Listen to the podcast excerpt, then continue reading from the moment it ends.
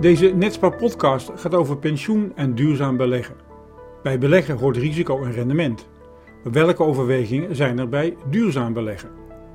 Gespreksleider Oscar van Zadelof van B. Frank gaat een gesprek met Martine Corridon Romme van MN en met Matthijs van Dijk, hoogleraar financiën aan de Erasmus Universiteit Rotterdam en wetenschappelijk directeur van Netspar. Oké, welkom bij uh, deze podcast van uh, Netspar. Wij gaan vandaag gaan wij, uh, spreken over pensioen en duurzaam beleggen. daar hebben wij twee gasten voor aan tafel. En beide zijn lang en erg actief op het gebied van duurzaamheid en klimaatbeleid. Ik wil graag beginnen met met een, een openingsvraag. En wellicht, Matthijs, kan jij schetsen wat eigenlijk in algemene zin de overwegingen zijn voor duurzaam beleggen?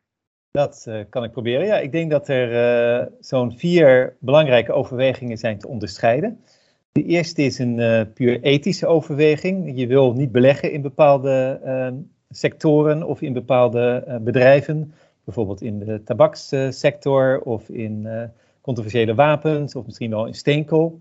En dat zou een reden kunnen zijn om uh, dat soort bedrijven uit te sluiten in je uh, beleggingsbeleid.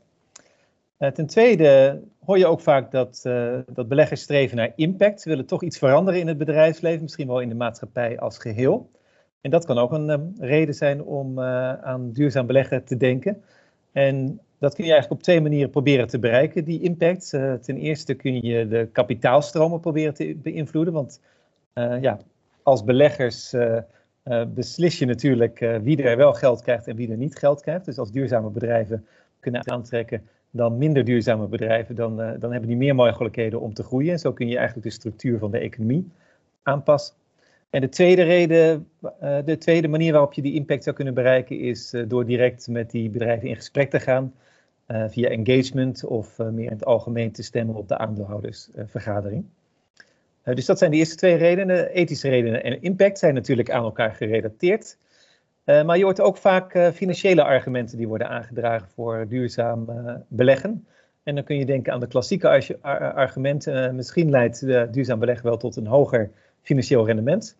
En misschien is het zo dat duurzaam beleggen leidt tot een lager financieel risico.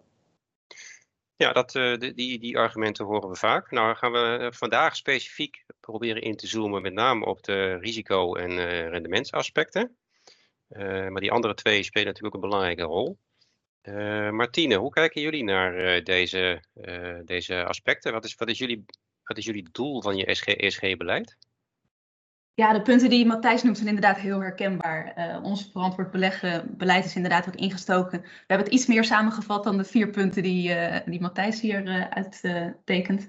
Eh, we hebben hem ingestoken vanuit zeg maar twee invalshoeken. Meer de, de principiële invalshoek slash impact op de maatschappij. Dus we willen inderdaad rekening houden met onze beleggingen op de, uh, op de wereld. En, niet beleggen in investeringen die we uh, niet passend vinden. En daarnaast kijken we ook naar de, de meer financiële impact. En die is dan wat meer ingestoken vanuit de risico-invalshoek. We willen inderdaad nou ja, de ESG-risico's op onze beleggingen beperken. Ja, en naar welke risico's kijk je dan? Uh, nou ja, eigenlijk naar een heel breed scala aan verschillende soorten risico's. Um, we kijken bijvoorbeeld uh, naar ESG-risico's met behulp van de data van uh, MSCI ESG-scores. En zij kijken dan naar een hoop verschillende thema's op het gebied van uh, verantwoord beleggen. bijvoorbeeld de impact op milieu, op biodiversiteit. Op, het gaat dan vooral om de, de uh, thema's die het meest relevant zijn voor bedrijven in een bepaalde sector. Het kan bijvoorbeeld gaan om productveiligheid, om uh, uh, hoe wordt omgegaan met, met arbeid in de supply-keten, of meer de, de, governance aspecten, of zeg maar genoeg diversiteit is in een board. dus eigenlijk om een inschatting te maken van die risico's op E, S en G, wordt gekeken naar de performance op al die verschillende thema's. en om daar een beoordeling over te geven, wordt dan vaak gekeken naar de kwaliteit van beleid. Uh, is er beleid op verschillende vlakken en, en wat is de, de, de scope daarvan? Uh, en ook bijvoorbeeld naar incidenten die zich in het verleden hebben voortgedaan. Dat, uh, dat zijn wat aspecten waar naar gekeken wordt. Ja, dus je verzamelt eigenlijk heel veel gegevens, heel veel data. Mm -hmm. Over die bedrijven.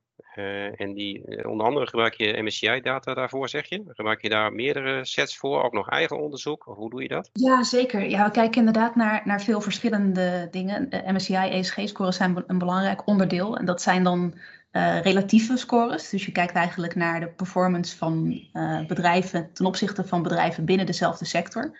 Uh, waar we ook naar kijken, wat je nu wel ziet, is dat er meer data beschikbaar komt, die ook bijvoorbeeld voor klimaatrisico's echt een, een inschatting probeert te geven van de impact van, van risico's. Um, dat, dat is data, we rapporteren daarover en we denken dat het heel veel inzicht geeft om, te kijken hoe bijvoorbeeld verschillende bedrijven geraakt worden door transitierisico's en door fysieke risico's. Um, tegelijkertijd is het ook data die nog echt een ontwikkeling is en nog heel uh, onvolledig is. En waarbij je ziet dat nou ja, daar ook zeker nog geen volledig beeld door gegeven wordt. En waarbij inderdaad ook de grote vraag is, in hoeverre is dat ingeprijsd? Je kan inderdaad een bepaalde climate value at risk berekenen, maar de grote vraag is natuurlijk van in hoeverre zit dat verwerkt. Dus dat is informatie die ons wel helpt. Als we bijvoorbeeld bepaalde screenings willen doen, kijken we wat de impact zou zijn op zo'n klimaatrisico-score. Uh, maar dat is niet iets waar we direct op sturen. Misschien een voorbeeld van informatie waar we wel direct op sturen, en die zit eigenlijk meer aan de, de impactkant, is um, informatie over hoe, hoe, bedrijven zeg maar, omgaan met, met klimaat. hoe goed hun beleid is op, op klimaat. Dat is wat we wat we wel gebruiken. Ja, maar met name met de risicobril op. Um, en, Matthijs, als jij dit hoort over data, jij doet zelf heel veel onderzoek hè, naar, naar duurzaam beleggen en de nou ja, effectiviteit ervan. Wat, wat, voor data gebruik jij daarvoor? Nou, ik gebruik over het algemeen ook de ESG-data, maar ik ben wel uh, mijn horizon ook aan het verbreden, want dat is denk ik met name op het gebied van klimaatrisico niet genoeg, zoals Martine eigenlijk ook al zegt. Dus ik ben ook zeer geïnteresseerd in de, in de nieuwe ontwikkelingen. De ESG blijft toch wel een beetje de standaard, maar ik denk dat er aan alle kanten nieuwe stappen worden gezet. Um, ik heb op dit moment een groot onderzoek lopen waar ik probeer diverse ESG-ratings naast elkaar te gebruiken. We hebben ook MSCI en we hebben Sustainalytics en Refinitiv, maar we hopen dat nog uit te breiden naar andere databases, omdat ook wel uit onderzoek blijkt dat die ESG-ratings eh, e misschien ook wel andere dingen meten. De correlaties tussen de verschillende ratings zijn niet zo heel erg hoog. Dat is niet onmiddellijk een reden dat de, de, ratings niet deugen. Maar wel dat, dat je niet, denk ik, zomaar een database uit de kast kunt trekken en daar een, kwantitatieve analyse op los kunt laten. En dan denken dat je nou, precies weet wat er speelt. Dus mijn onderzoek probeert daar uh, wat meer helderheid in te scheppen van hoe, uh, hoe verschillen die ratings van elkaar en zie je dan ook verschillende relaties met risico en rendement. Ja, dus er liggen nog wel best wel wat uitdagingen op het gebied van data. Ik denk dat dat wel, uh, zal op de praktijk niet verrassen. Uh, dus er liggen nog wel wat, uh, wat, wat uitdagingen. Hoe kijk je naar, Martine, naar ja, een belangrijk actueel item, de Paris Alignment? Ja, ja, dat is inderdaad een ontzettend mooi onderwerp als het gaat ook om de meest passende data zoeken en, en, gebruiken voor het, het, sturen en beoordelen van je beleid. Um, als het gaat om inderdaad Paris Alignment, eigenlijk de bijdrage die we leveren als pensioenfonds aan de energietransitie, dan zie je dat we eigenlijk zijn begonnen met vooral het kijken naar de, ontwikkeling van de carbon footprint van een portefeuille. Dat is vaak toch iets waar het eerst naar gekeken wordt om iets te zeggen over wat, wat dragen we bij aan die energietransitie. Um, daarvan zien we eigenlijk dat het een, een vrij onvolledig beeld geeft. Uh, want ja, om een voorbeeld te geven, stel dat we bijvoorbeeld investeren in een staalbedrijf dat heel goed op weg is om, om de uitstoot van de staalproductie fors naar beneden te brengen. Dan zouden we de uitstoot van onze portefeuilles vrij snel kunnen reduceren door zo'n bedrijf uit de portefeuille te verwijderen. Dat zal altijd nog meer uitstoot hebben dan een gemiddeld ander bedrijf in de portefeuille. Uh, maar dat is waarschijnlijk niet de, de meest handige manier om een bijdrage te leveren aan die energietransitie. Want vanuit die gedachte zou je wellicht juist wel in dat bedrijf geïnvesteerd willen blijven. Dus wat we eigenlijk zoeken is data die iets zegt over uh, wat de bijdrage is van de bedrijven die in onze portefeuille zitten aan de energietransitie. En of zij inderdaad genoeg doen om die uh, CO2-uitstoot naar beneden te, te brengen, gegeven de, de sector waarin ze actief zijn. Want we denken juist dat in die, die meest carbon-intensieve sectoren, daar heb je grote veranderingen in nodig. En dat je juist zo'n energietransitie op gang kan krijgen door geïnvesteerd te zijn in de bedrijven die, die zich volop inzetten om die uitstoot naar beneden te brengen, juist in die sectoren. Ehm, dus nou ja, we zijn niet de enige met die gedachten. Dus je hebt inderdaad uh, op dit moment verschillende Paris Alignment tools. Die zeggen iets over uh, nou ja, precies dat wat we zoeken, in hoeverre de bedrijven in de verschillende sectoren uh, stappen nemen om de uitstoot te reduceren, die passen bij de doelstellingen van het Parijsakkoord. Maar ook daar zie je inderdaad, net als wat Matthijs schetst met de verschillende ESG-ratings, dat verschillende partijen een, een, beoordeling geven om eenzelfde soort impact te, te meten. En dat ze op heel verschillende resultaten uitkomen. Dus dan is voor ons de uitdaging om inderdaad een slag dieper te kijken en te kijken van nou waar ontstaan die verschillen nou door. Dan kun je bijvoorbeeld denken aan de, de scope van de CO2-uitstoot die wordt meegenomen. Uh, kijk je alleen naar de, directe uitstoot of kijk je ook naar de uitstoot van de producten die een, een bedrijf produceert. Uh, en belangrijk is ook van kijk je alleen naar de verandering of kijk je ook naar de, de huidige CO2-uitstoot. Nou, het zijn allemaal verschillen waardoor al die partijen op allerlei verschillende uitkomsten uitkomen. Uh, en dat is dan wel iets waar wij naar kijken van oké, wat vinden wij het meest passend? Uh, als pensioenfonds vinden we het juist belangrijk dat we uh, nou ja, kijken ook naar de ontwikkeling wat, wat langer vooruit. Dat het vooruitkijkende indicatoren zijn. dat we niet alleen naar de verandering kijken, maar ook naar de, de, ja, de uitstootintensiteit die uiteindelijk in 2030 resteert ten, opzichte van andere bedrijven in dezelfde sector. Dus zo hebben we eigenlijk zelf een visie, visie opgesteld van, nou ja, zo, dit is de manier waarop wij het het liefst zouden willen meten. En vervolgens kijken we welke methode daar dan uh, het best bij aansluit. Als ik daarop aan zou mogen haken, even. Ja. Ik, ik, ik vind het zelf wel een hele interessante ontwikkeling die jij schetst, van dat, we, dat we wat meer proberen te meten wat de echte impact is. Hè? zoals je zegt, carbon footprint is eigenlijk uh, een momentopname en zegt niet zoveel over uh, wat er in de toekomst gaat gebeuren. En die Paris-aligned uh, maatstaven die proberen dat wel. Ik ben wel benieuwd wat jij denkt over hoe, hoe, breed dat getrokken wordt. Je, hoort soms wel eens van, nou, ESG is misschien iets meer van het verleden en we gaan toe naar bijvoorbeeld meten van impact op de SDG's. Hè. De Verenigde Naties die hebben die 17 Sustainable Development Goals ontwikkeld. Uh, dat, dat, spreekt me op zich heel erg aan, maar het lijkt me ook heel erg lastig om dat soort grote, op dat soort grote thema's impact van individuele bedrijven te meten. Ja. Hoe zie jij dat? Ja, absoluut. Ik zie inderdaad ook wel, en ik, ik uh, ben er persoonlijk ook wel erg blij mee inderdaad, die shift die wat meer gaat van puur de, de risicoaanpak naar meer van wat is de, de, impact van wat we daadwerkelijk doen. Uh, en ik deel helemaal je mening over dat het ontzettend moeilijk is om dat goed te meten. Uh, ik denk met zo'n, met bijvoorbeeld die Paris Alignment maatstaven kunnen we inderdaad wat meer de goede richting opsturen. En inderdaad bedrijven eruit filteren waarvan we zeggen van oké, dit is een bedrijf wat het wat minder goed doet. En dit is een bedrijf wat het wat meer goed doet. En dat gebruiken om zeg maar bedrijven te selecteren voor een screening of voor engagement. Um, wat, waar we nog, om eerlijk te zijn, heel weinig inzicht in hebben, is wat dan de echte reële impact is van ons beleid op die bedrijven. En dat is uiteindelijk natuurlijk waar het om gaat. En ik, ik denk dat het ook best wel, uh, wat dat betreft, als we het hebben over ESG-data, dan enerzijds uh, krijgen we steeds meer mooie data, waardoor we veel meer kunnen zien en weten over onze beleggingen. En tegelijkertijd denk ik dat het ook best wel een risico met zich meebrengt door uh, heel erg sec te gaan kijken naar puur de ontwikkeling op een CO2-maatstaf op een portefeuille. Omdat het echt nog maar een heel beperkt beeld geeft van wat je met je beleggingen teweeg brengt. Dus als je bijvoorbeeld uh, kijk naar, naar nou ja, om toch maar eventjes weer, dat is het, het makkelijkste voorbeeld, de CO2-uitstoot van een beleggingsportefeuille. Op het moment dat je ziet dat een bepaalde portefeuille een reductie in de CO2-uitstoot laat zien, dan zegt het nog heel erg weinig over de impact op de CO2-uitstoot die we daadwerkelijk teweeg hebben gebracht.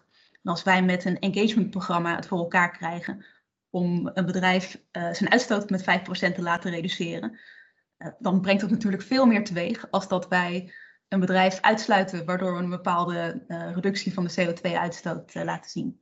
Dus ik denk dat het heel belangrijk is om daar steeds meer inzicht in te krijgen in wat nou echt de, de impact is van, van ons uh, beleid. En dat ga je waarschijnlijk nooit helemaal krijgen, want die dingen zijn heel moeilijk te destilleren. Van wat is nu precies de impact van engagement wat wij gevoerd hebben? Want er zijn natuurlijk heel veel aspecten die bijdragen aan wat een, beleid, wat, een bedrijf uiteindelijk doet. Uh, maar ik denk dat het heel belangrijk is om, omdat we dit weten, wel goed te blijven kijken naar uh, niet alleen de, de performance op een paar datapunten, maar vooral naar hoe is een, een, uh, een pensioenfonds daar gekomen. En is het logisch dat dat inderdaad de meest optimale bijdrage zou leveren aan een verandering in de reële wereld. Die, die, die, die data die wordt natuurlijk steeds, steeds belangrijker. Hè? Uh, zowel impactdata als risicodata. Uh, werk, werk, je daar ook voor in de, in de sector uh, samen? Of met de wetenschap samen? ja, zeker. Ja, um, wat we doen is in verschillende samenwerkingsverbanden. En een hele belangrijke is de IRGCC. Ehm, dus ik had eigenlijk beloofd om geen lastige afkortingen te gebruiken, maar dat is een samenwerkingsverband waarin we met allerlei financiële instellingen kijken naar hoe kun je het best, zeg maar, je, onder andere je bijdrage aan aan net zero, aan Paris Alignment meten. Uh, een andere belangrijke in, in Nederlands verband is dat we met verschillende financiële instellingen kijken hoe we het beste kunnen toewerken aan harmonisatie van meetmethodes voor de, de carbon footprint. Um, ja, volgens mij is uh, Matthijs ook heel veel interessante research aan het doen. Dus we hadden het al voorzichtig even gehad over toekomstige samenwerking. Ja, dat lijkt me ontzettend belangrijk op dit vlak. Kunnen we, als we ietsjes opschuiven richting richting uh, rendement en, uh, en, en, risico. We hebben vastgesteld dat het ook vooral om risicomanagement gaat. Hè? Zo zie je het aan de uh, MN-kant ook. Hè? Um, vergroten duurzaam beleggen, die stappen die je daarin zet, ook niet in zekere zin de risico's? In een bepaalde zin kan dat zeker, ja.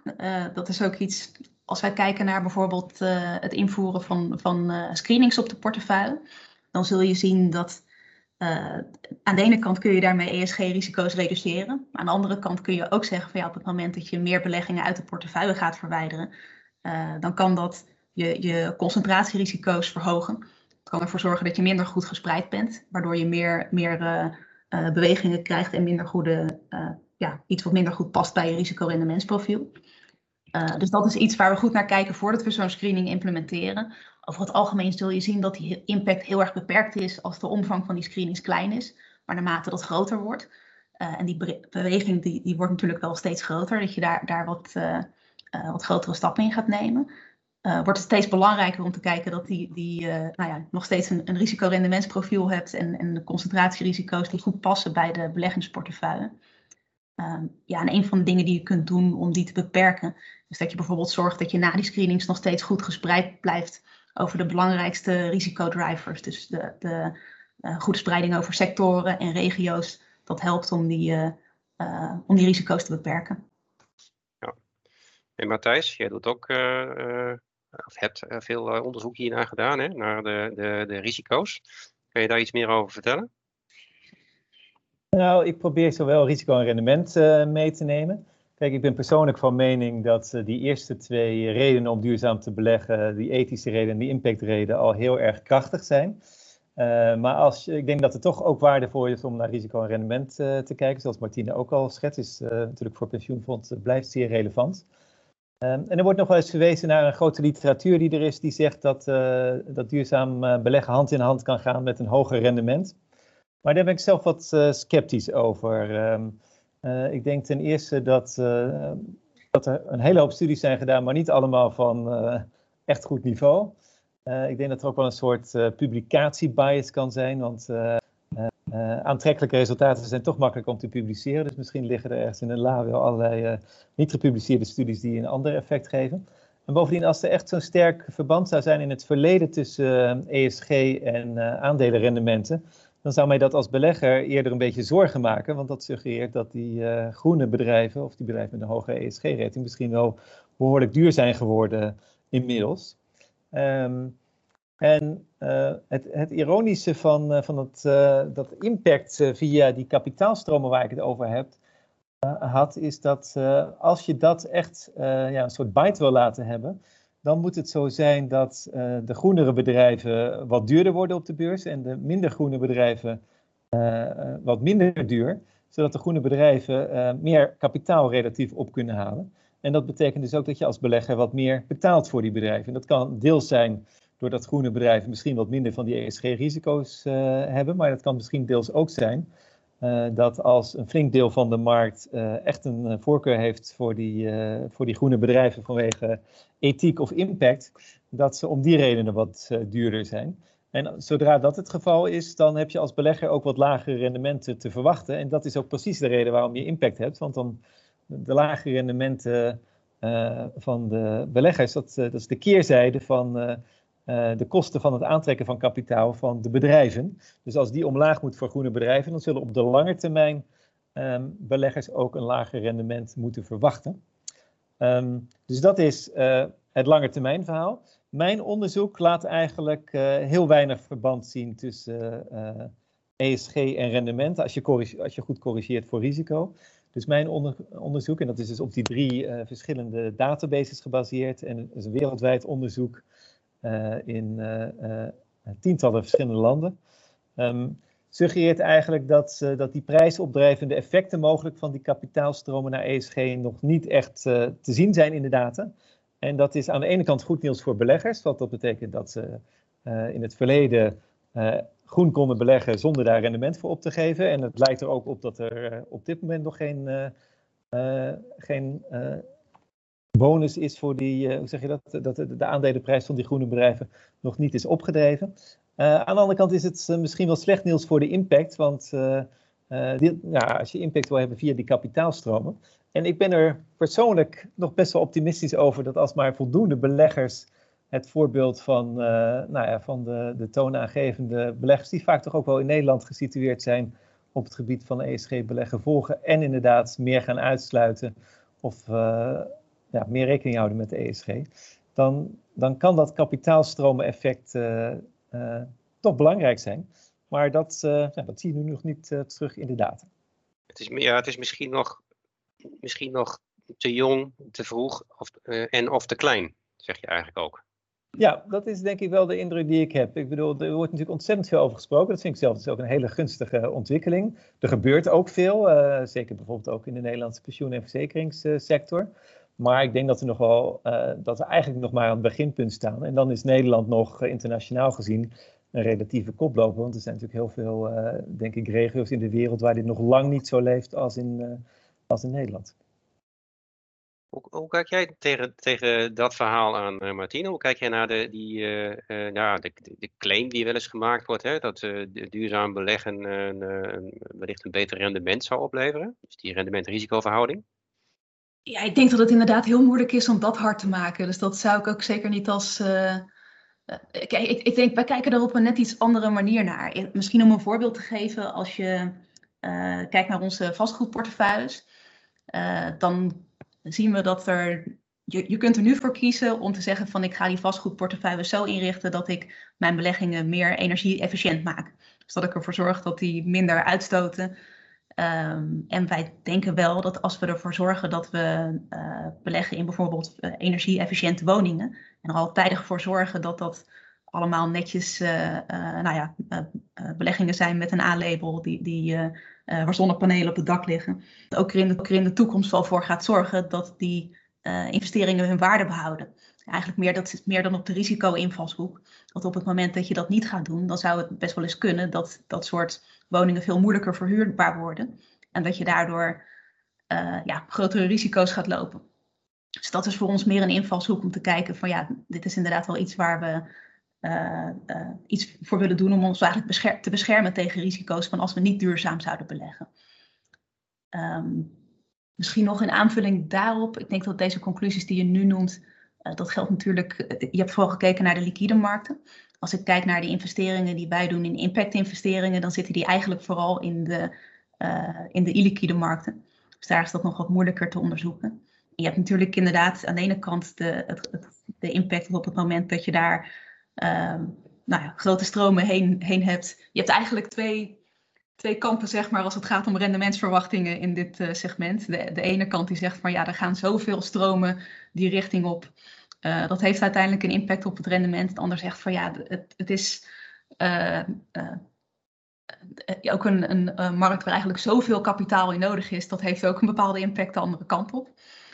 Um, wij denken dat het ontzettend moeilijk is om echt van tevoren een inschatting te maken van wat die rendementen in de toekomst gaan doen. Voor ons is eigenlijk vooral de afweging die we maken als we overwegen om bijvoorbeeld investeringen in, in windenergie of zonne-energie op te hogen. Dat we kijken van is dat een, een risicorendementsprofiel wat past binnen onze beleggingsportefeuille. En als we die beleggingen toevoegen, uh, hebben we dan nog steeds passende concentratierisico's. Is het iets wat past bij wat we beogen als pensioenfonds? We streven naar een anderhalf procent overrendement. Dus het moet een, een vrij solide belegging zijn met, met nou ja, een, een risicorendementsprofiel wat past bij, bij ons als pensioenfonds. Ja, ja ik, denk, ik ben het helemaal met je eens dat als je een financiële reden zou zoeken voor, uh, voor duurzaam beleggen, dan, dan is denk ik de risicoreden een sterkere uh, reden. Want ik denk dat het uh, buiten kijf staat dat, dat er grote risico's mogelijk in ieder geval verbonden zijn met bedrijven die het niet goed doen op die ratings. En dan met name klimaatrisico's. Het kan natuurlijk zijn dat dat soort risico's zijn ingeprijsd. Dat betekent dat je dan een risicopremie zou kunnen verwachten, wat extra rendement. Um, maar zeker die klimaatrisico's, daar weten we eigenlijk nog zo weinig van dat mijn persoonlijke inschatting, inschatting zou zijn dat die echt nog niet goed zijn ingeprijsd. Uh, als die dan worden ingeprijsd, kun je daar misschien aan de rendementskant nog van, uh, van profiteren. Maar zelfs als ze zijn, uh, zijn ingeprijsd, dan kun je er als pensioenfonds toch nog ja, op een hele goed beargumenteerde reden ja, voor kiezen om, om die risico's niet in je portefeuille te willen hebben. Want we hebben het natuurlijk zeker in die klimaatrisicohoek over een aantal zeer extreme scenario's die misschien bewaarheid worden. Uh, en bovendien waar de deelnemer ook op allerlei andere punten, misschien in de woning uh, of in de, in de baan, heel hard geraakt worden. Dus misschien is er wel een hele goede reden om dat soort risico's juist even in de beleggingsportefeuille uh, te mitigeren. Ja, absoluut. Nou ja, daar sluit ik me 100% bij aan. Maar dat betekent ook uh, dat opent de deur, denk ik ook, uh, Matthijs, voor nog uh, heel veel vervolgonderzoek, als ik jou zo hoor. Ja, zeker. De wetenschap moet ook echt wel bescheiden zijn, denk ik, op dit punt. dit soort vragen zijn lastig te onderzoeken. Um, het is lastig om in de toekomst te kijken. De data, daar zijn heel veel ontwikkelingen in. Dus nou, ik denk dat daar nog heel veel te doen valt. En ik sla daar ook graag, heel graag de handen in één met, met de sector die ook heel veel kennis heeft op dit gebied.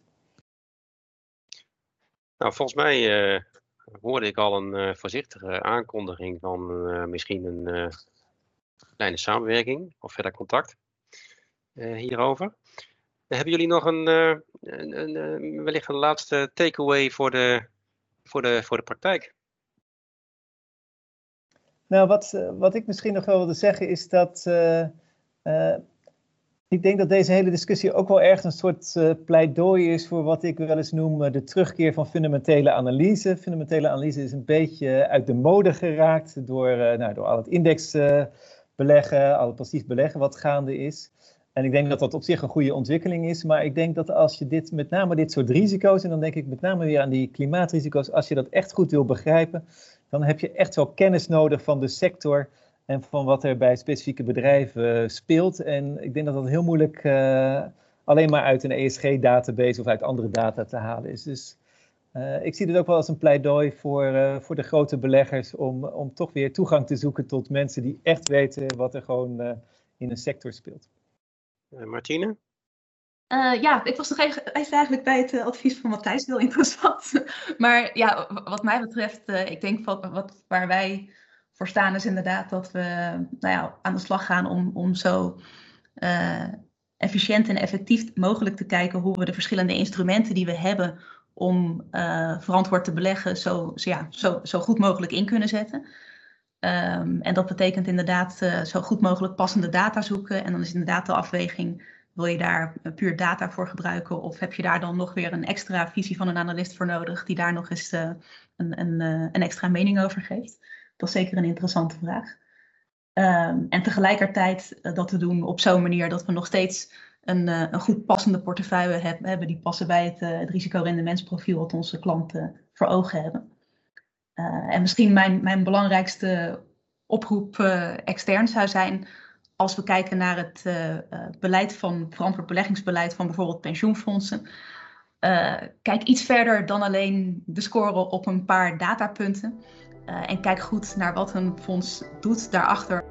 Hartelijk dank voor het luisteren naar deze Netspar Pensioen en Wetenschap podcast. Meer weten over ons pensioenonderzoek? Volg ons kanaal voor meer podcastafleveringen of kijk op www.netspar.nl.